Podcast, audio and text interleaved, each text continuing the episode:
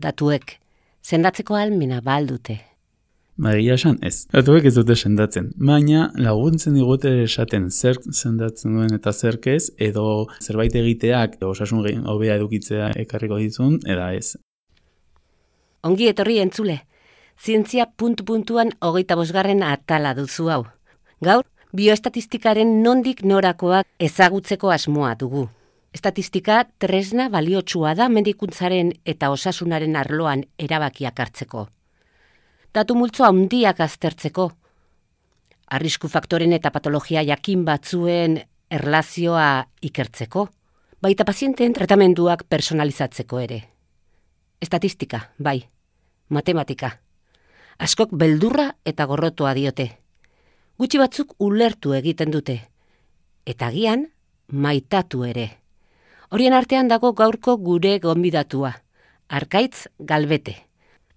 Arkaitz Galbete naiz, matematikaren naiz, Euskal Herriko Unibertsitatean ikasi nuen eta hori dela hiru urte Nafarroko Unibertsitate Publikoko Estatistika, Informatika eta Matematika saian irakasea naiz. Ia hamar urte dara matzat biostatistikan lan egiten, talde klinikoekin harremanetan eta estudio desberdinetan parte hartu dut adibidez, ikerkuntza talde potente bat dago hemen ariketa fisikoarekin lotuta, eta saiakera kliniko desberdinak egin dituzte aztertzeko ariketa fisikoaren eragina pazienten errekuperaketan, edo aguren e, osasunean, eta hor biostatistikan parte hartu dut, eta ikusi dugu pues, eragin handiak izan direla. Ze karpen egiten dio estatistikak osasunari? Ze garrantzi du estatistikak ikerketarako? Ba, medikuntzan batez ere bi estudio edo lan mota desberdintzen dira, batzu dira beak eta estudioak non ikertzaileak egiten gauza bakarra da datuak bildu eta behatu, eta beste batzu direla estudio esperimentalak non nolabaiteko parte hartze bat egoten da. Beak eta estudioak normalean gehienetan kohorte estudioa ditzen direna dira, kohorte izena erromatarretatik dator, ziren erromatarren soldadu multzo bat, eta horiek erabiltzen zenituzten nabaitek erosatzeko, eta hortik atera da kortea, eta da pues, paziente multzo bat hartu, eta denboran jarraitu eta neurtu aldagai batzuk. Hori ikusi daitezke nola faktore batzuk eragiten duten edo e, arrisku gutxiago edo gehiago ematen diguten patologi batzuk garatzeko. Adibidez, korterik igual famatuena, Framingan bihotzegaren estudioa da, mila behatzi eta berrogeita mar inguruan hasi zena, bostoneko herri batean framingan ditzen dena, eta orain hirugarren generazioan daude. Biotzeari buruzko patologiak ikertzen dituzte, eta oso importantea izan da betianik estudio hau, batez ere hemen ikusi delako, nola, erretzeak bihotzeko izateko arrisku gehiago ematen digutela, tensio altua izateak e, bihotzekoak izateko arriskua handitzen digula, kolesterol txarrak bihotzeko izateko e, arriskua handitzen digula, eta kolesterol onak arriskua jaisten digula. Ba, guzti hori korte honekin lortu izan da. Horein guretzako informazio hori arrunta da, baina hori frogatu behar zen, ikerkuntza bat egin zen, eta horako estudioak zaiak dira, luzeak dira, estadistikoki ere tratatzeko e, zaiak dira, pos, aldagai pilo bat daudelako, aldagaien arteko konfuso eta interakzio pilo bat egon daitezkelako, baina bukaeran lortzen baduzu guzti hori manejatzea, pues, lortzen dira horrelako erlazioak aurkitzea. Botika berri bat edo terapia berri bat merkatuan erabiltzeko, ikerketa esperimentalak egin behar dira. Horietan ere, estadistikaren parte hartzea behar beharrezkoa da. Saiakera klinikoak normalean niru dituzte farmako edo botika berri bat garatzen denean. Lehenengo fasean bilatzen dena da kustea farmakoaren toksizitatea. Normalian aurretik ez da gizakiekin probatu bakarrik animalekin, orduan experimentatzen hasi aurretik jakin bar dugu toksikoa den ala ez eta toksizitate hori nola neurtu daiteken dosi desberdinetan.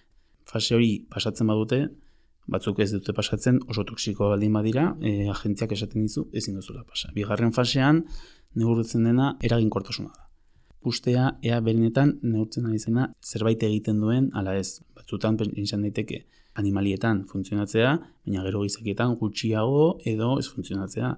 Nengo fasean oso paziente gutxi izaten dira, igual logeita mar pazientekin toksitetan neurtzen ari garelako, bigarren fase honetan, berrogeita mar edo egun arte edo daiteke, baina oraindik ez da ez da ere estudio masibo bat, nahiko berria delako ere, eta gero irugarren fasea izaten da handiena, igual milaka paziente izan ditzakenak, eta hortan konparatu behar duzu zure terapia berria edo placebo batekin, edo beste terapia batekin, normalean estandarra izaten dena. Eta frogatu behar duzu placeboak baino gehiago egiten duela, edo ezarrita dagoen edo erabiltzen den terapia goikoenan baino bea dela, edo igual ezan ditek ere baliokida dela, igual baliokida da, baina merkeagoa da, edo igual baliokida da, eta kontrako efektu gutxiago dauzka, orduan, bueno, elburu desberdinak izan daitezke, baina garbi dago, hobea den ala ez, hori analisi estadistiko bat da.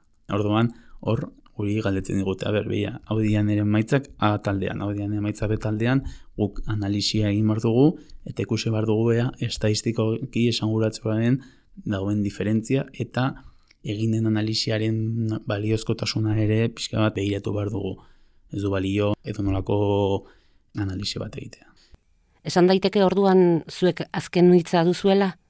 Gurea azkeneko hitza ez, azken aurrekoa. Ematen duzu informazio bat eta informazio hori lagungarria izan daiteke, emaitzekin gero diskusio bat egiten da, baina berez, indikatzaile bat esaten duena, ea, zerbait eraginkorra den edo daukagunaren baino bea den, analisi estadistiko bada, eta bai biostatistiko hori egiten du.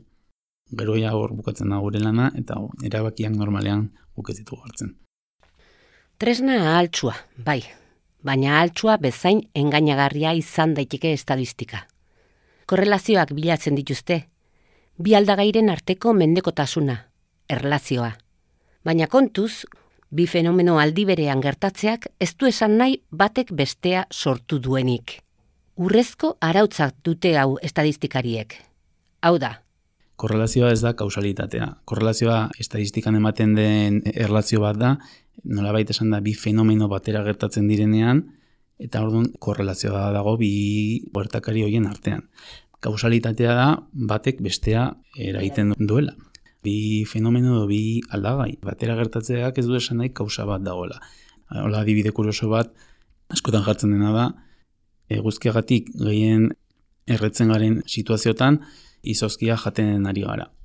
Orduan, pentsatzen baduzu, batera gertatzen diren bi fenomenoiek batak besteak eragiten duela, esango genuke izozkia jateak e, eragiten duela eguzkiaren erredura, eta ez, atzean dagona da, beste kausak aman komun bat dela, uda dela eta eguzkitan zaudela.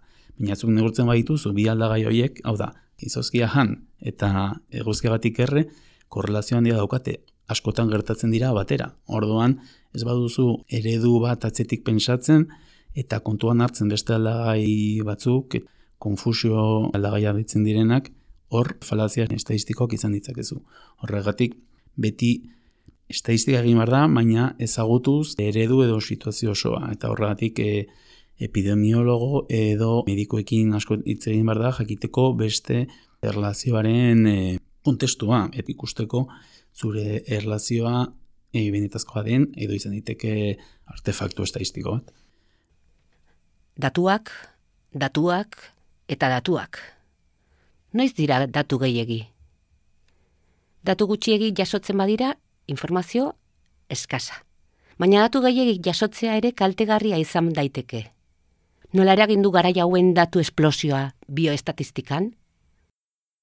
Ba, egia esan, esan daiteke gehiagizko datuen garaian gaudela. Azkeneko, ez dakit, amar, amabost urtetan egonda eh, datuen esplosio bat, hori garbi dago.